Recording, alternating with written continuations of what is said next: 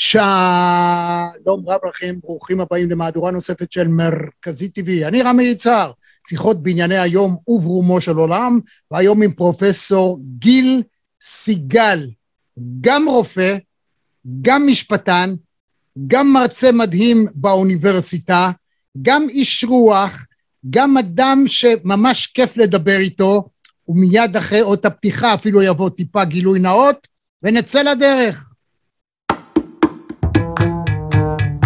שלום רמי, מה שלומך? שלום שלום רמי. אני רוצה להתחיל בשאלת רב. אפשר? כן. בבקשה. ערב טוב, רמי, פעם ראשונה בחיים שלי בזום. ופתאום אני אדבר איתך, לא חלמתי שאני אדבר איתך. אז אני קודם כל לכבוד הוא לי.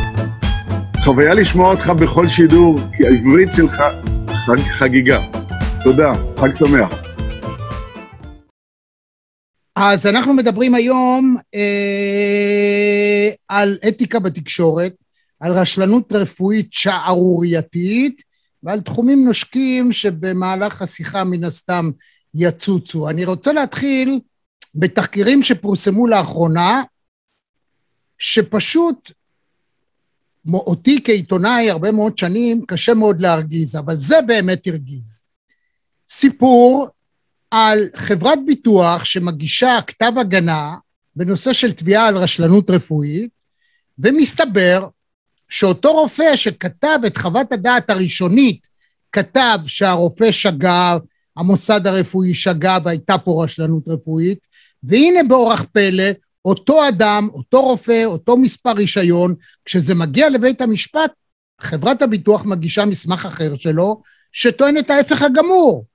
שלא הייתה רשלנות, הכל בסדר גמור והכל באשמת הרוב, החולה המסכן שקרה מה שקרה לו. עכשיו, חשבתי לעצמי שאילו היה מדובר באיזה מוסכניק או אינסטלטור או מישהו מהסוג הזה שמתנהג ככה, באותו יום דופקים לו בדלת, מגיעים אליו, מס הכנסה, הרגולציה, לוקחים לו את הרישיון, פותחים תיק פלילי, לחברת הפיתוח עד עצם היום הזה לא קרה כלום, וגם הרופא עוד מקבל אה, חולים, ואני המום מזה. תראה, התיאור שאתה מתאר בעצם מציג ארבעה שחקנים בזירה.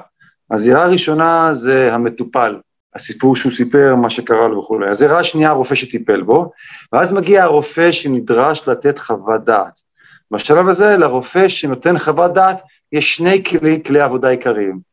אחד זה הניסיון שלו וההכשרה שהוא עבר, מצד שני זה החומר הרפואי שהוצג לו במקרה, ומעל זה כלי מדהים, לא נלמד, וזה נקרא האתיקה והקוד המוסרי שלו.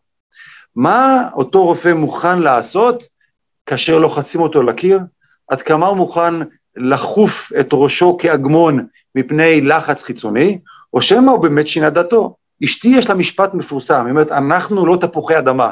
לפעמים מותר לנו להחליף את הדעה שלנו, זה בסדר, אבל אתה בהחלט צודק כשאתה אומר שחובת ההוכחה וההסבר היא לא על שום דבר, שום גורם אחר, למעט אותו רופא שהפך את אה, עמדתו או שינה את טעמו.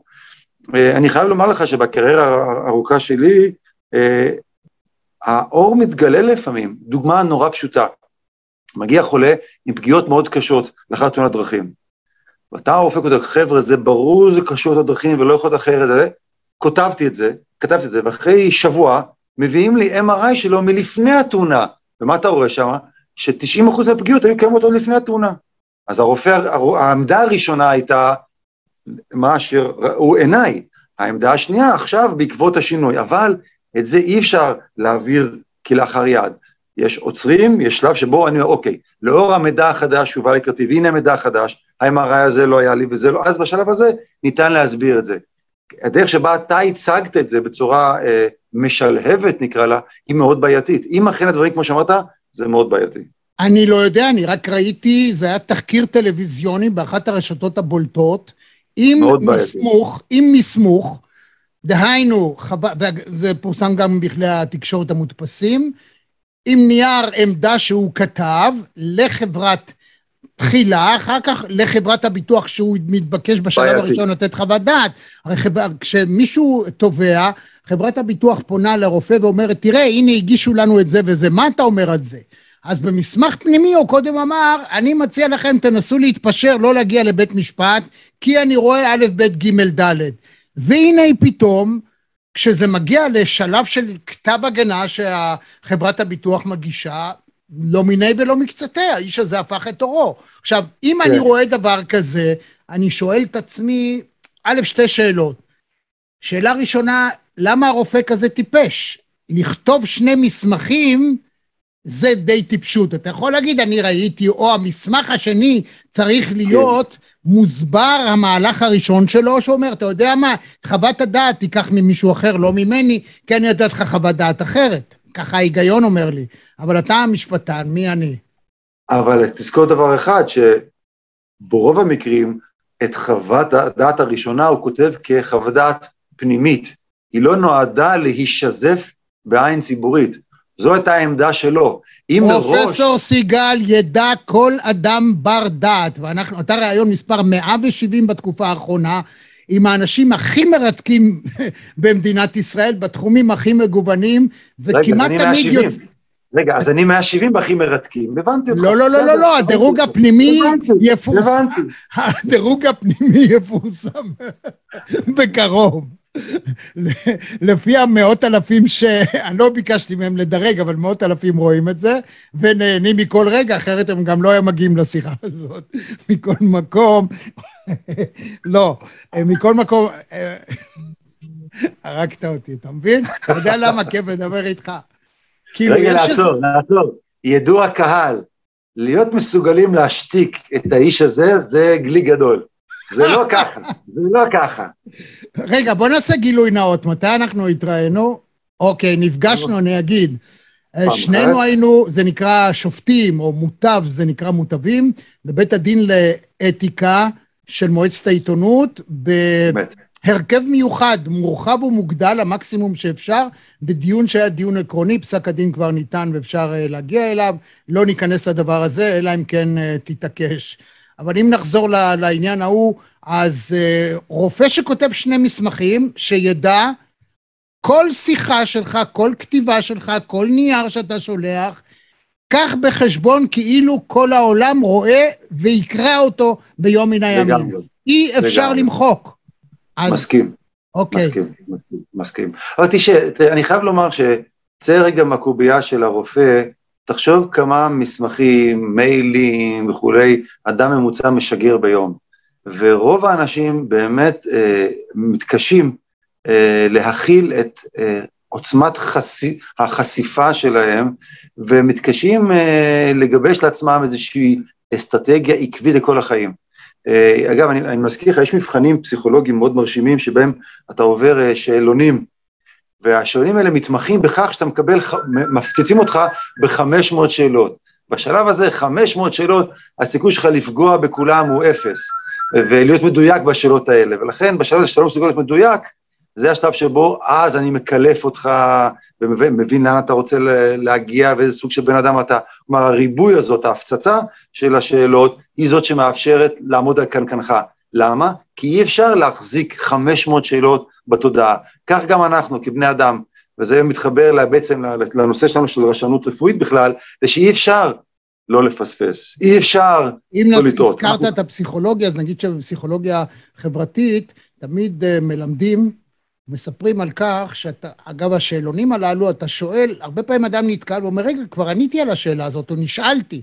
הוא נשאל שוב ושוב ושוב אותה שאלה, או בווריאציות אחרות, בדיוק מהסיבה הזאת, שהסוג של הכוננות שאדם נמצא זה שריר. והשריר הזה נכון. מתעייף. ככה זה. גם מה שנקרא הרצון, הדיאטה, אתה יכול להגיד, אני קם בבוקר, אתה אומר, אני היום אעשה דיאטה, זהו, מהיום אני מתחיל.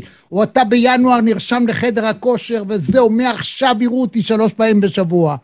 אבל נכון. אתה, ארוחת בוקר לא אכלת, בצהריים רק סלט, אבל משך היום התעצבנת בפקק, בעבודה הרגיזו אותך, קרו דברים אחרים, אשתך אמרה איזה משפט מיותר, העובד, הבוס, והשריר הזה של האיפוק, של הרצון להיות בסדר, כשאתה מגיע הביתה, באיזשהו שלב הוא נשבר, ואז אתה מתנפל על המקרר, והרי השמנת ולא עזרה הדיאטה. אז, וכך זה אה, גם אז שוב- התפתחות הפסיכולוגים.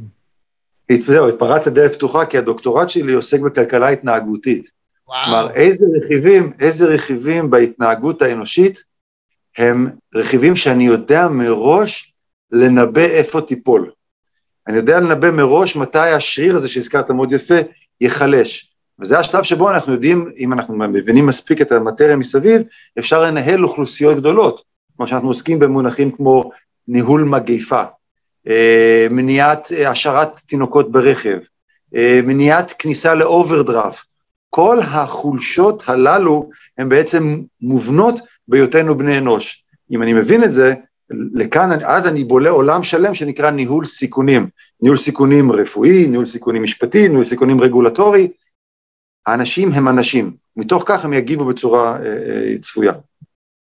כלומר, אם אתה מזהיר את עצמך, או יש לך מנגנוני אזהרה מלאכותיים שיצרת, כמו למשל החוק שרצו לעשות עם, אה, שכ, אה, כדי למנוע אה, שישכחו ילד. באוטו, תצטרך לעשות איזושהי פעולה, שהפעולה הזאת תאלץ אותך להסתכל נכון, מסביב. נכון. אז אבל כן, קח דוגמה פשוטה, קח את הכספומט. מה הסדר הפעולות בכספומט? אתה מכניס את הכרטיס אשראי, מקבל את הכסף, ואז מגיע הכרטיס אשראי. ויכול להיות גם אחרת, מכניס כרטיס אשראי, מקבל את כרטיס אשראי, לוקח את הכסף. מה הסדר הפעולות הנכון? מה עשו בארץ? תקבל את הכרטיס אשראי, כי אחרת אתה תשכח אותו, במיוחד שיש לך. עכשיו כסף. אגב, ברוב הכספומטים ב-ATM שינו את זה. קודם כל אתה אז- מוציא גם בתחנת דלק, תכניס, תוציא עכשיו, עכשיו נתדלק לך. תכתוב את המספר ואני- תעודת זהות ואת מספר הרכב. כדי שב... אז מה, בדיוק כך, אתה מזיהית את החולשה האנושית, ואתה מנהל אותה באופן מלאכותי מבחוץ, בדיוק. אז זה ניהול טוב, אבל אתה, שנינו יודעים שלהנדס את המוח, אה, בעיקר משתמשים בזה לרעה. אנחנו ארבעה חודשים אה, בעיצומה של מערכת בחירות, של ארבעה חודשים שלפני הבחירות, שבהם יושבים טובי הספינולוגים בארץ ובעולם, ורואים איך נשחק לאזרחי ישראל במוח כדי לגרום להם, א', לשנוא מישהו מסוים, וב', להצביע עבורי, תוך תחושה שאם לא, יקרה אסון נורא. האויב, אני, אויב אמיתי או מדומה שיצרנו, הוא יבוא ויעשה לנו הכי גרוע, אם לא תבטחו בי ובך. שיצביעו. אז אני, עבורי. מח... אני, אני מחבק אותך, וה, והציפייה שלי היא שרוב בני אדם, כיצורים קוגנטיביים, רציונליים במידה מסוימת, יפתחו לעצמם את אותו שריר, את אותה יכולת לזהות מתי כרגע הם במניפולציה ומתי הם ב-true news, זאת fake news, true news, manipulation לעומת אג'נדה של חופש מחשבה וחופש החלטה. אה, ככל שהדברים נהיים יותר סוערים, הרעש המסביב מקשה על הדבר הזה, ואנשים כמוך, אה, שיודעים עיתונאיות טובה מהי, ואנשים אה, מהמגזר שלנו שעוסקים באתיקה ובניהול אתי והתנהלות אתית, צריכים להיות הרבה יותר דומיננטיים בדבר הזה, כדי שמה שאתה אומר כרגע לא יקרה. ופה אני אומר, אני יושב עם הילדים שלי כל, באמת, פעם בסוף שבוע אנחנו יושבים ביחד ודנים באירועי השבוע, ומסתכלים עליהם, והאם זה אמיתי, האם זה פייק, ואנחנו מנסים באמת בבית לחנך את השריר הזה של להפריד את המוץ מן התבן ואת המוץ מן הבר, ולדעת באמת מתי מפעילים אותך, מתי עושים עליך מניפולציה, ומתי הדברים קורים כפי שהם. הבעיה הגדולה שצריכת התקשורת, היא עוברת דרך מסננים נוראים. אתן דוגמה אחת נורא פשוטה. היה שם את הפסק דין של העליון בארצות הברית. ונסעו כל הכתבים הישראלים לארצות הברית לשמוע על מה? על ההחלטה של הרעים נגד הטובים. חברים, 40 אחוז מהאוכלוסייה בארצות הברית חושבת כמו העליון האמריקאי. האם אזרח ישראלי אחד שמע אמירה מלומדת, מסבירה, אה, אה, אה, אפילו מתנצלת לדבר הזה? לא. זה מיד קוטלג, הטובים נגד הרעים. עכשיו, אני בתור אחד שמלמד בארצות הברית, דווקא בווירג'יניה, שזו מדינת דרום, אני יכול לומר לך ששם יש דיון לגופו של עניין, אבל הישראלי לא מכיר את זה, מכיר, לקחו, באמריקה לקחו לאנשים את הזכות להפלה, הרעים עשו את זה, טראמפ עשה את זה וזה, עכשיו אני לא נכנס לגופו של עניין, אני מדבר רק האם אתה מסוגל כרגע לשקף את שני צידי המחלוקת בצורה עניינית, בלי הסטריאוטיפים, בלי הזה. הרי תשעה שופטים בעליון האמריקאי הם לא חתולי רחוב.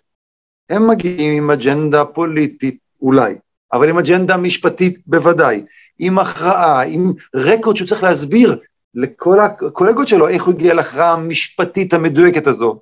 כלומר, מזה אי אפשר להתעלם. ואנחנו צריכים להבין, הישראלי ששומע היום חדשות צריך להבין שהוא עובר דרך פריזמה.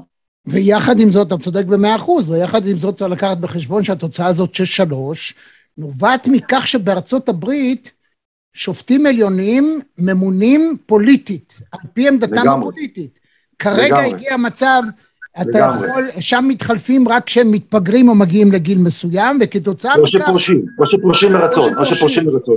נוצרה קונסטלציה שבעידן טראמפ הוא יכול היה להפוך את הרוב בבית המשפט העליון של השופטים לרפובליקנים, אבל לא רק רפובליקנים, אלא סופר אולטרה, ש- אולטרה שמרנים, והללו שינו פסיקה של 50 שנה, שינו במידה מסוימת את החוקה, ועשו דבר שזה לא עניין של טוב ורע, הוא בעייתי הרבה מעבר לאיזושהי החלטה עקרונית כזאת או אחרת.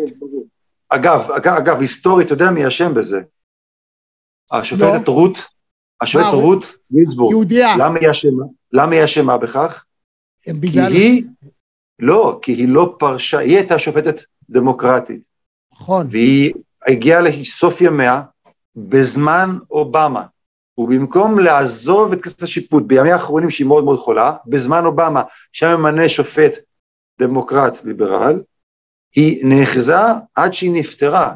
בשלב הזה מתי נפטרה? בעידן של טראמפ, ואז לטראמפ היה עוד מינוי רפובליקני. כן, אבל בוא נתחיל בזה שאם כבר מדברים על אתיקה ואם מדברים על אה, צדק, אז קודם כל צריך להפסיק את העניין הזה שפוליטיקאים ממנים שופטים עליונים. או, בוודאי, אצלנו זה לא קיים, זאת אומרת, זה מתחיל משם. מסכים, ברור, ברור. זה, חבר'ה, לא כל מה שבאמריקה נוצץ ומוזהב. ממש לא. ממש לא. הנה, ממש לא. הנה הסכמנו על עוד דבר יוצא מן הכלל.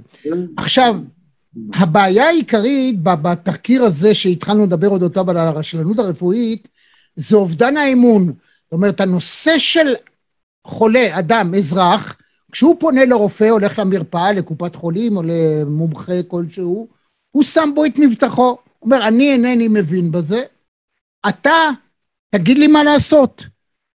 תקריות מהסוג הזה, מחקרים מהסוג הזה, מערערים באופן יסודי את האמון של האדם ברופא שלו. גם רגע. ככה הרופאים סובלים מכך. רגע, רגע, רגע, רגע, פה בלבלת קצת, אני אסביר. אוקיי, בבקשה. הרופא, הרופא שאתה מדבר עליו עכשיו, הוא לא הרופא המטפל של אותו אדם. נכון, אין ויכוח. שהוא נשכר על ידי חברת הביטוח להעריך את, הוא, הוא, הוא באמת מייצג את התפיסה הרפואית עבור מי ששכר אותו, זאת, זאת, זאת האמת. אוי ואבוי, אם הרופא המטפל, יש למשחק הזה, אנחנו בכלל, אנחנו במקום אחר לגמרי, זה משמעתי, אני מטיס אותו עם האוזניים ככה למשרד הבריאות באותו יום, זה משהו אחר לגמרי. אני, מ- אני מתנצל כי אני לא הבהרתי את, את כוונתי ואתה לקחת את זה למקום אחר. הכוונה שלי שמבחינת האזרח הרגיל, כשהוא הולך לרופא, בשבילו רופא זה רופא, כמו כן. שמוסכניק זה מוסכניק וכדומה. וכשהוא שומע שרופאים מתכופפים לפי הרוח, לפי איך שבא להם, הוא אומר, רגע, למה שאני אאמין לרופא הזה שלי? והרי אני כבר שומע פה ושם שמדברים על כך שרופאים אה, נתונים לכל מיני פיתויים של חברות תרופות, וממליצים על דברים. שאולי אחרים לא ממליצים, ובכלל הרופא כועס אם האזרח קורא לפני זה באינטרנט. מה אתה, אם אתה אומר לרופא, אבל קראתי שככה וככה, אז הרופא יגיד לך, אז תלך לאינטרנט, למה אתה לא בא, למה אתה בא אליי? זה, אני, אני חייב לומר שזה זה נשמע הרבה יותר מדי שכיח, וזה באמת כואב. אני אסביר שלושה דברים, ממש בקיצור. א', ברור לגמרי שהציבור הפך להיות מודע ומיודע. האינט, האינטרנט עשה דמוקרטיזציה של הרפואה. הפערים של הרופא פה והחולה פה, זה נגמר, זה כאן. ולא פעם ולא פעמיים בין למרפאה שלי, אני רופא אף אוזן גרון, יושבים ודוקטור אומר, ואומר להם מטופל, דוקטור, תקשיב, אני יודע שאתה נורא עסוק, הנה, הכנתי לך דיסק עם כל המאמרים האחרונים, תקרא, תתעדכן, וניפגש בעוד שבוע. עכשיו, יש רופאים שנותנים לו סטירה, אני קם, ואני מחבק אותו, אומר, תשמע, אני מת על חולים כמוך, כי ככה עושים רפואה טובה. הרופא הוא לא אל, הוא בסך הכל עשה מסלול מאוד מסובך, למד המון, אבל הצורך להת- להתמקד ולהתפקס, המטופל יכול לסייע לו, זו תחנה ראשונה. תחנה שנייה, הרופא היום מחזיק כמה וכמה כובעים. לצופים שלנו, אתם לא יודעים, אבל לרמי יש 648 כובעים שונים. נכון? הגזמתי או לא הגזמתי? לא, משהו כזה, לא הגזמתי. משהו כזה. יותר הרופא- מ-170, יותר ממספר המרואיינים.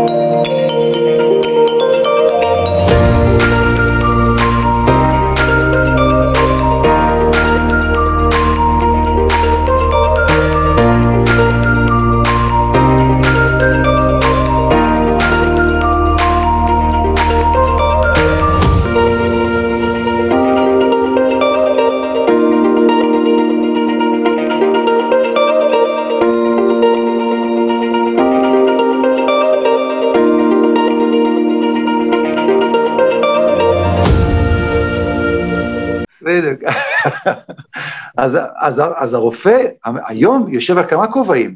הוא יושב כרופא שמטפל בך, הוא גם רופא של קופת חולים. שזה אומר שמישהו מסתכל לו, מה נתנת, איך נתת, האם בזבזת, לא בזבזת, יש פה שיקולים משמעותיים.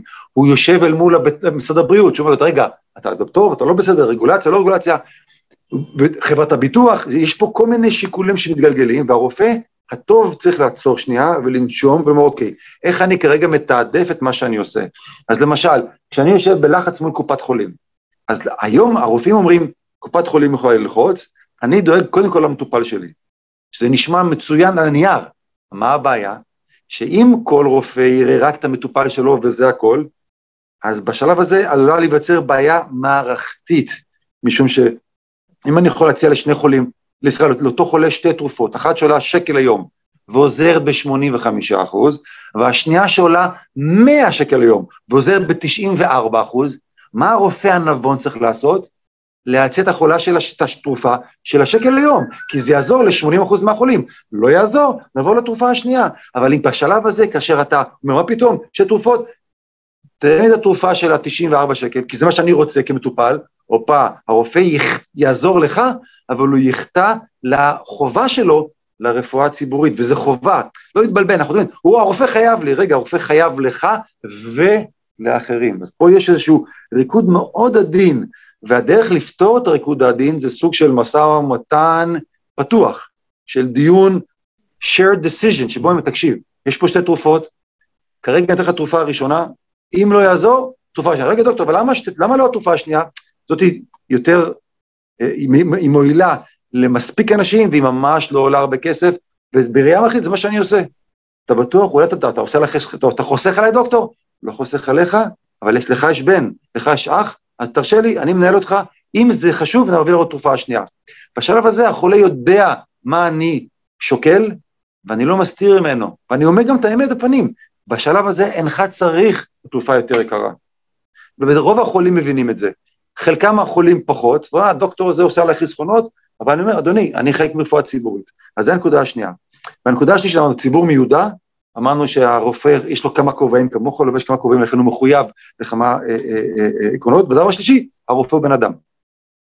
וכשהרופא הוא בן אדם, בהחלט, מה שאמרת קודם, עד כמה הוא הגיע לכנסים האחרונים, עד כמה הוא מעודכן, איך הוא קם הבוקר, אם הוא ישן מספיק טוב בלילה, האם יש לו סבלנות. יש לו 40 חולים בחוץ דופקים עכשיו, יש לו סבלנות, אין לו סבלנות.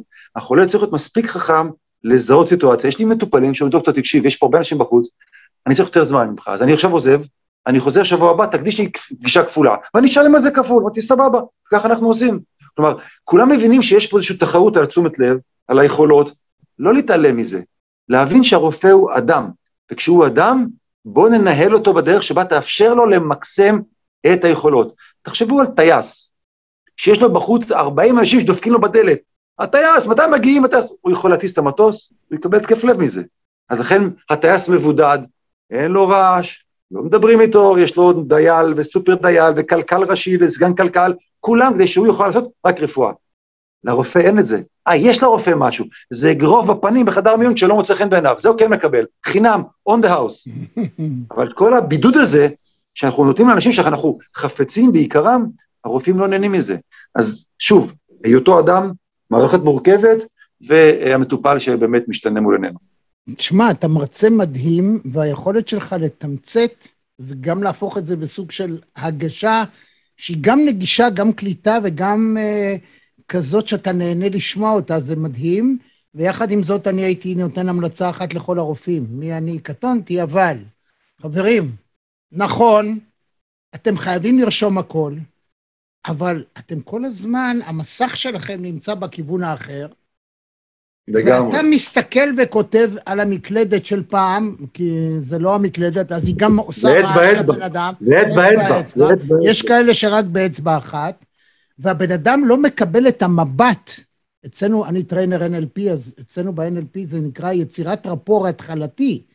אז לא מלמדים את הרופאים, או הם לא מודעים לעובדה שלפחות צריך איזה יצירת, תן לי את הכרטיס, הוא צריך להביא את הכרטיס, הוא רושם את הכרטיס, וישר, מה הבעיה? הוא מסתכל, הוא, הוא, הוא, כשהוא מעלה אותך, הוא לא נותן לך את המבט בשביל לשמוע מה אתה רוצה. תגיד לו, כי הוא לא יודע להדפיס עיוור, אז הוא צריך להסתכל על האותיות, מה כואב לך? אוקיי, בוא נבדוק רגע את הלחץ דם שבוע שעבר, תגיד מה, מה, מה כואב, אדוני זה צוחק, כואב. כן? זה- כי זה כואב לי, זה כואב, זה כואב, זה כואב לשמוע את זה. אז אי אפשר, אגב, לה... תגיד לי, אי אפשר באמת לעשות איזה קורסים? ת, תזמינו אותי אגב, אני. אני אעשה הרצאה לרופאים. יש לי פטנט, אגב, לי יש, לי יש שלושה פטנטים בנושא הזה. פטנט הראשון, אני אף פעם לא יושב בכיסא. אני תמיד קם לקבל את המטופל, ואז אני נוגע בו, שם יד על הכתף, יד על היד, אה. אני מוליך אותו לכיסא, תמיד, כי אני יוצר את ה contact האישי, כי חשוב לי, אני, אני תמיד אומר למטופלים, אני לא, אני, אף אוזן גרון, לא מטפל באוזניים, מטפל בבן אדם עם בעיית אוזן. זה, זה שינוי קונספט, אתה מבין, אני מטפל בבן אדם עם בעיית אוזן, ואז כשאני ניגש אליו ונוגע בו, הוא יודע שאני פה. עכשיו, זה נכון שהוא, תקשיב, דקה תן לי להקליד, עכשיו אני שלך, בוא תספר לי. אני עושה את ה- ההפסקות כן, המקצועיות. הנה, ככה תעשו, רבקום. דברו עם הבן אדם, הבן אדם, א', הוא יודע שמוקצה לו שמונה דקות, כתוב על, על... כשאתה מגיע לקופת חולים, אז כתוב לך, אתה תשע ועשרה, בתשע ועשרים היא כבר יושבת פה. אתה חי... אם לא תתמצת מיד, וזה לא תקבל שום דבר. אז אתה, שמע, כן. לא. לא פשוט העניין, ורבותיי, יצירת הרפור, ובעיקר התחושה שאתה הולך הביתה ולא יסתכל עליך בעיניים אפילו, אפילו אם הוא רפיח הכי טוב וקיבלת את הזהו, לא טוב, משהו לא נפגם. לא. טוב, אגב, עוד פטנט, דבר שלישי, תמיד תחייך את המטופל שלך, תמיד תצחיק אותו. משהו שהופך את המפגש להרבה פחות אה, אינטנסיבי, הרבה יותר טעון. נעים, נעים. ואגב, מעניין, זה מעניין, יש מחקר אמריקאי ב-American Journal of Medicine מ-1991, שמדבר על רופאים שפחות טבעו אותם. והרופאים שפחות טבעו אותם, היה להם שלושה מאפיינים ברורים. אחד, הם הקדישו יותר זמן למטופלים, שתיים, הם יצרו קשר עין עם המטופלים, יותר מאחרים, וג' הם הצחיקו אותם. עכשיו, לא צריך להיות אה, קטורזה, כן?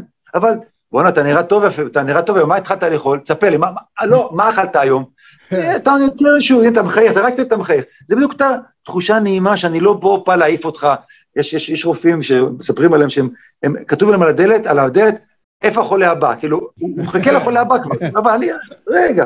אז תן לבן אדם את ההבנה שכרגע העולם בחוץ מת ואתה פה בשבילו. נכון, שמונה דקות, אבל בשמונה דקות האלה אני רק שלך, לא טלפון סלולרי, אפילו לא כוס קפה באמצע. אלא כן, שמע, אני נורא צמא, תן לי שנייה לשתות, את, המשתמ... את ההבנה שאתה פה בשביל המטופל. זה יוצר הרמוניה, באמת הרמוניה בינך לבין המטופל, ואז גם הוא מתמסר, הוא מבין את הקשיים שלך, הוא מבין את האילוצים שלך, זה טים, זה לא טים, זה טים. תשמע, אה, קודם כל אצלנו ב-NLP קוראים לזה רפור, יצירת רפור, הקשר האישי הזה שהוא מאוד משמעותי, וזה כל כך חשוב וכל כך משמעותי, שבכלל אי אפשר להסביר עד כמה הדבר הזה מהותי. אגב, הצעת ייעול, הואיל והרופא חייב להסתכל על הניירות, אז אולי החולה, אגב, זה יכול גם לקצר את ההליך וגם לזרז אותו ולייעל אותו. אולי כדאי שחולה שרוצה בכך, יכתוב טרם כניסתו או ברגע הזמנת התור תקציר של עשרה משפטים, עד עשרה משפטים, נגיד עד שלוש מאות מילה, מה הבעיה? בשביל מה אתה מגיע? עכשיו, אם הרופא הציץ בזה לפני שהבן אדם נכנס, הוא כבר יכול ישר לכוון אותו או לשאול את השאלות הנכונות, גם זאת אפשרות. אני לא אוהב. כי לא. אני אגיד לך למה. לא, אני אגיד לך למה אני לא אוהב. כי כשחולה מספר את הסיפור, זה 70% מההבחנה. אני מאבחן את החולה רק מהסיפור שלו. עכשיו, סיפור בטקסט, לא, סיפור שאני רואה את העיניים, איך כואב לו, איך הוא מספר, איך הוא נושם בין המילים, עד כמה זה קשה לו, עד כמה זה מורכב. עד, כל הדברים האלה נותנים לי המון מידע רלוונטי. אז אני, עם כל הכבוד, שווה לי עוד דקה להריח אותך. כמה מהחולים שאתה רואה, זה, אתה רואה דברים שהם פסיכוסומטיים וכמה הם אמיתיים? זאת אומרת, עד כמה מבנה האישיות של האדם וההתנהלות החיצונית שלא קשורה להפרעה הספציפית שבגינה הוא מגיע, זה משפיע? נגיד לחץ, אה, מצב משפחתי, אסון או. שמחה? תזרוק מ-1 ל-100, מה, המספר שלך מ-1 ל-100? 84, 100. 100. אין חולה. הרי לפי, לפי, לפי, לפי מי שיגיד אחרת, אז הוא אומר, נגיד שלו 90 אחוז, יש לו 10 אחוז שהם רובוטים. אני ברובוטים לא מטפל. כל אחד מגיב אחרת, כל אחד מגיב אחרת לכאב. כן. כל אחד מגיב אחרת לאובדן של חוש, לאובדן יכולת. זה עולם ומלואו, שני אנשים עם אותו נקב באוזן, מפריש, אחד אומר, שמע, אני רוצה להתאבד, אני לא תשמע, כן, יש לי כף רשע. נו מה, זה הכל גוף ונפש, זה לגמרי, אי אפשר לנתק את זה, מי שמנתק את זה, שיעבוד במוסך עם אלפה רומאו, ולא עם בני אדם. אלפה רומאו לא כדאי, זה האוטו עם הכי הרבה תקלות, יש לא, אומרים, לא, יש. אומרים, יש אומרים. רמי, היה לי משבר גיל 40, קניתי אלפה רומאו, זה היה פיצוי להכל.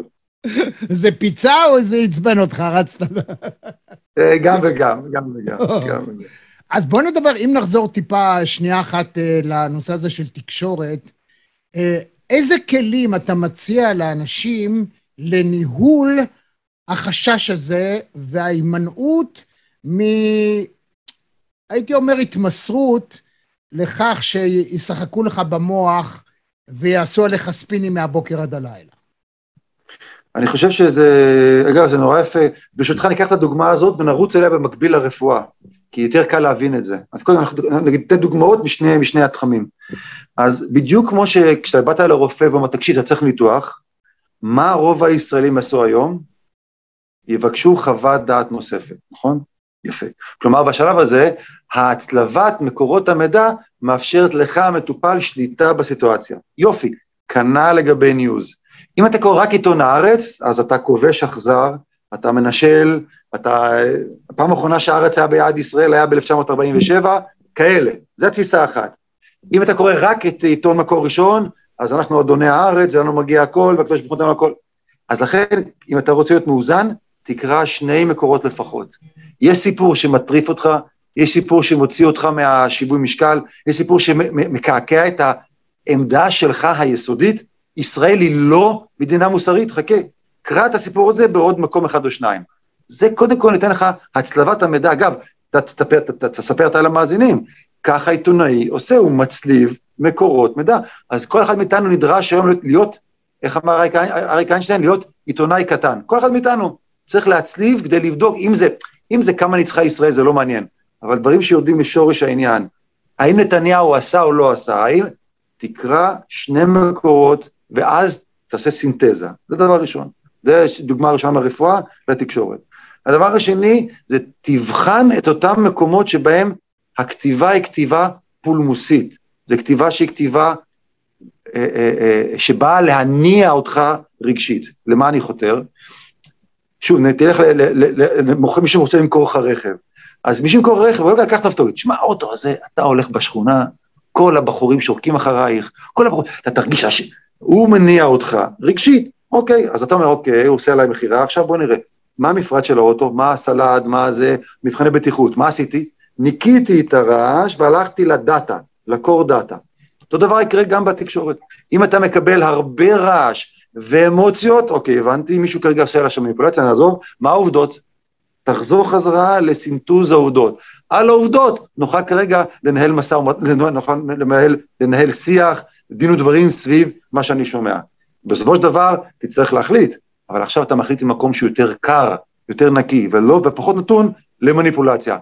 לא ביבי המלך ולא אנטי ביבי הוא המלך, המלך לא רלוונטי. מי יהיה מנהיג טוב לישראל? בוא נבדוק פרמטרים, יכולת כזאת, יכולת אחרת, הניע, לא הניע, סגר גירעון, לא סגר גירעון, הביא הסכמי שלום, לא... תשאל את עצמך מה הפרמטרים הקרים, ועליה תתקדם. יוצא מן הכלל. והייתי אומר, מוסיף לכך עוד משהו אחד קטן, כן. לזקק את העובדות, למשל, מה זה עובדות? למשל מספרים, קרה דבר, היה, היה ירי בארצות הברית, בשיקגו, שישה אנשים נהרגו ושלושים נפצעו. עכשיו, אופן הצגת התקרית הזאת היא כבר מעבר ועל פי חוות הדעת. האם היה פה טבח נורא בגלל ההפקרות של הנשק? האם היה פה כל דבר שהוא אחר כתוצאה מזה שאתה אומר, מזל שהיו אנשים שהסתובבו עם נשק, אחרת הוא היה הורג לא שישה, שישים, ששת אלפים. טוב שהיו בסביבה אנשים עם נשק שהצליחו אה, בסופו של דבר לעצור אותו ולמנוע את המשך העניין הזה. אחד יגיד, רגע, איך ב- בארצות הברית אדם הולך להצביע בגיל 21 ומותר לו לשתות בירה בגיל 21, אבל יש מדינות שבגיל 16 הוא יכול לקנות מרגמה. זה הגיוני? יש אחד שיגיד כן, כי לפני מאות שנים אנשים גרו בחוות מבודדות, ואם ילד בן 16 לא ידע לראות, יכול מאוד להיות שאו איזה חיית פרא הייתה זוללת את כולם, או איזה אינדיאני או איזה אויב שהיה בה. וזה נכון. מסורת שנשמרת מאות שנים, וכתוצאה מכך אמריקה נמצאת איפה שהיא נמצאת. דהיינו, העובדה היא העובדה, אופן הצגתה היא הפרשנות, ושם משחקים לך במוח. לגמרי.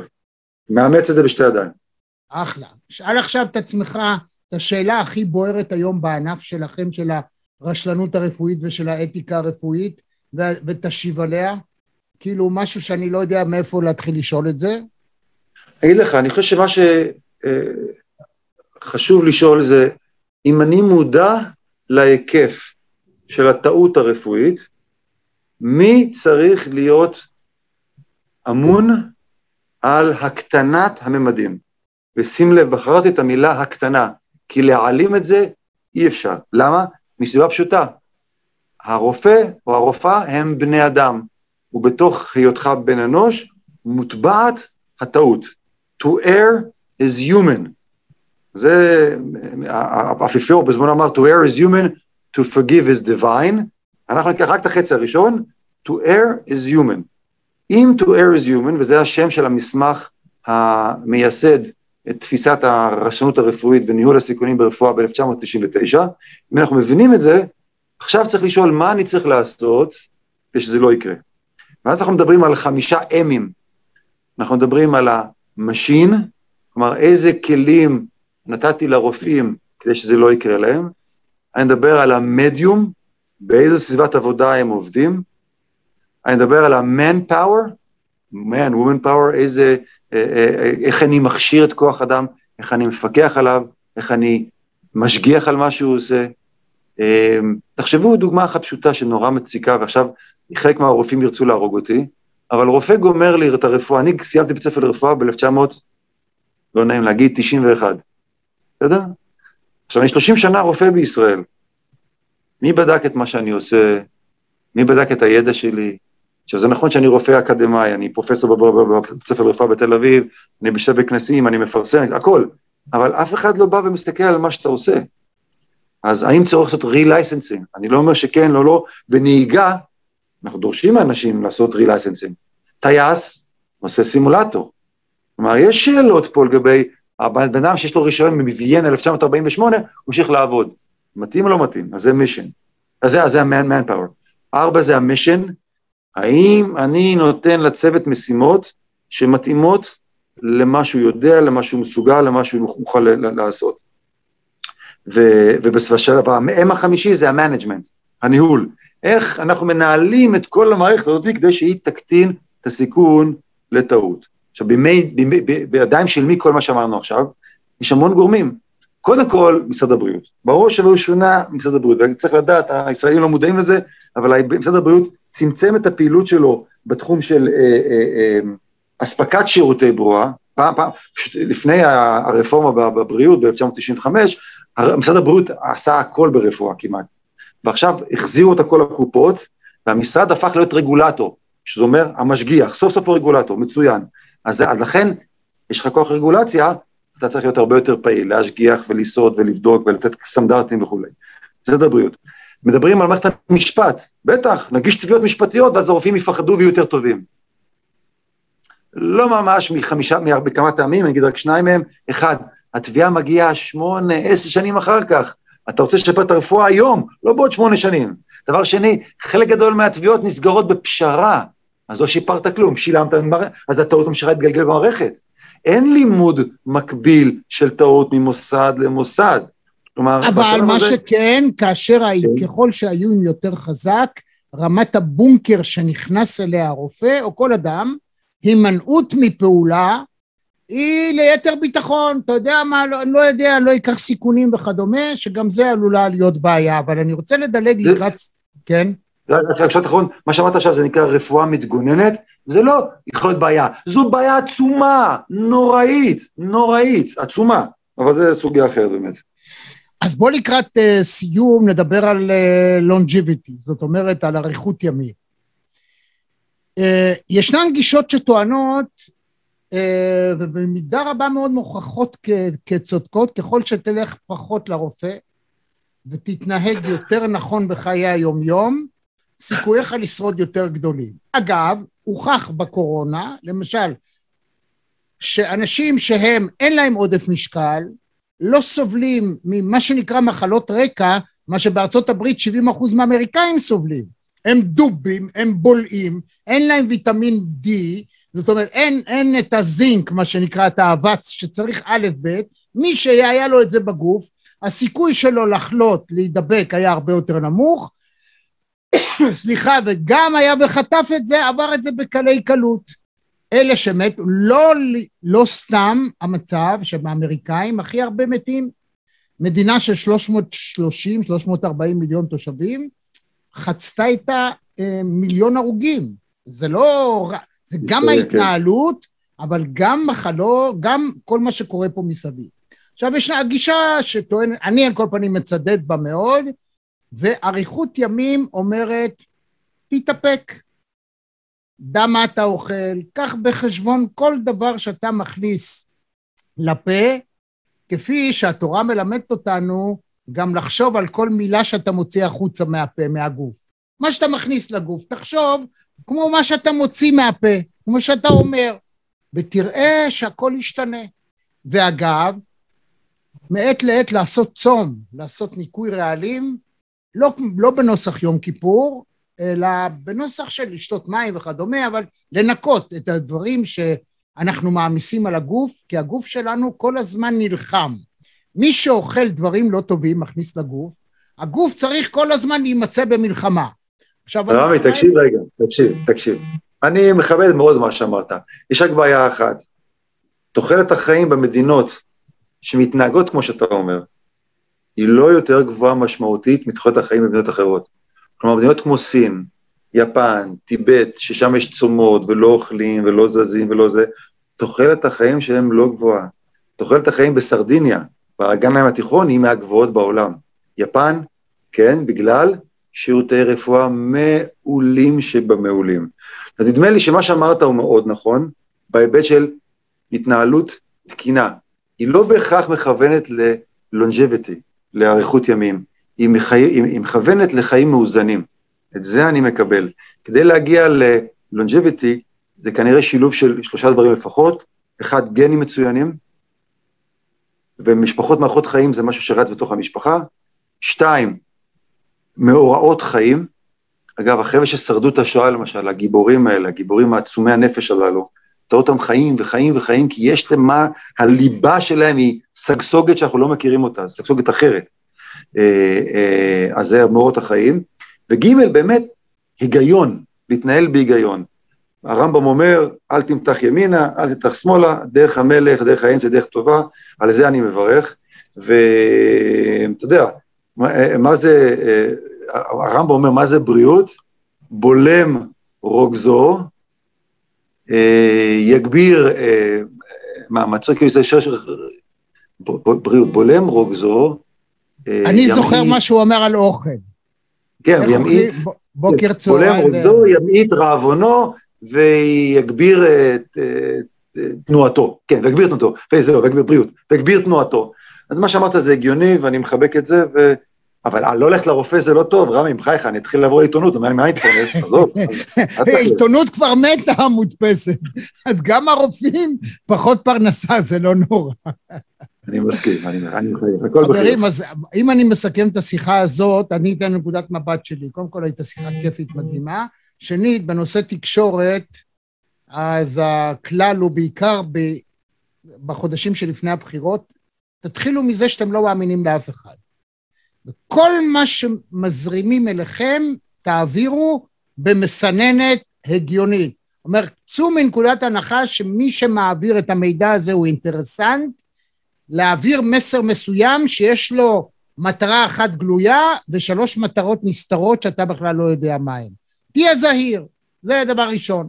זה נכון לכל סוג של מנהיגות, אם היא פוליטית ורבנית ו, ואני יודע, חברתית וכדומה, כל אחד בא מהאינטרס ומהנקודה ומה, שלו. הדבר השני, אתיקה באשר לרופאים, תשתדלו קודם כל לא להגיע לקופת חולים. איך אפשר לעשות את זה? על ידי זה שאורך החיים שלכם יהיה בריא, כפי שהרמב"ם, אנחנו זוכרים את הרוח של הרמב"ם, גם אם אנחנו לא מצטטים בדיוק, זה אומר לאכול נכון, לאכול בכמות, לעשות פעילות גופנית, לדאוג לעצמכם, לא להתרגז, כמו שאמרנו, אתה מגיע, הכל פרופורציה. אם זה בפרופורציה, הכל יהיה טוב. ואם לא, אז לכו לרופא, אם כבר לרופא שצוחק ומחבק אתכם ומסתכל לכם בעיניים, ואומנם מקליד, אבל מבקש סליחה, רגע, רגע, אני אכתוב את הדבר הזה, ואחר כך נותן את התרופה מה שהכי טוב באמת, ולא מה שקראת באינטרנט, אם זה סתם יקר. סיכמתי טוב? The best. טוב, אז תן עכשיו את הסיכום שלך של השיחה הזאת, ונפרד. אה, כן, לא, אני חושב שהשיחה בשבילי הייתה אה, עוגן מצוין להקביל עולמות. בסופו של דבר, אחד לובש חלוק לבן, חלוק כחול, גלימת עורך דין, בסופו של דבר, התהליכים התת-קרקעיים, ברוב המקרים יהיו די דומים. ואם אתה מבין אותם, ואתה מציף אותם, יהיה לך קל להתנהל בעולמות תוכן שונים, פעם אתה אצל הרופא, פעם אתה אצל המוסכניק, פעם אתה, פעם אתה בסופר, תראה את הגריד שאתה רואה ואת הגריד שמתחת למה שאתה רואה, ואז יהיה קל לך להתנהל בעולם שהוא מודרני, מחובר, אינטר-קונקטי, אינטר-מוטי-דיסציפלינרי, זה העולם המודרני. תודה רבה על ההזמנה הזאת, היה לי ממש כיף. פרופסור גיל סיגל, פשוט כיף אמיתי. אם נהניתם מהשיחה, תעשו לייק, מה אכפת לכם? סתם נגיעה ככה בלייק, תעשו, גם תירשמו, תשמעו את השיחה הבאה, 171. ועד כאן עוד אה, מפגש, שיחה בענייני היום וברומו של עולם. אהבתי להיות איתכם, שמי רמי יצהר, להתראות.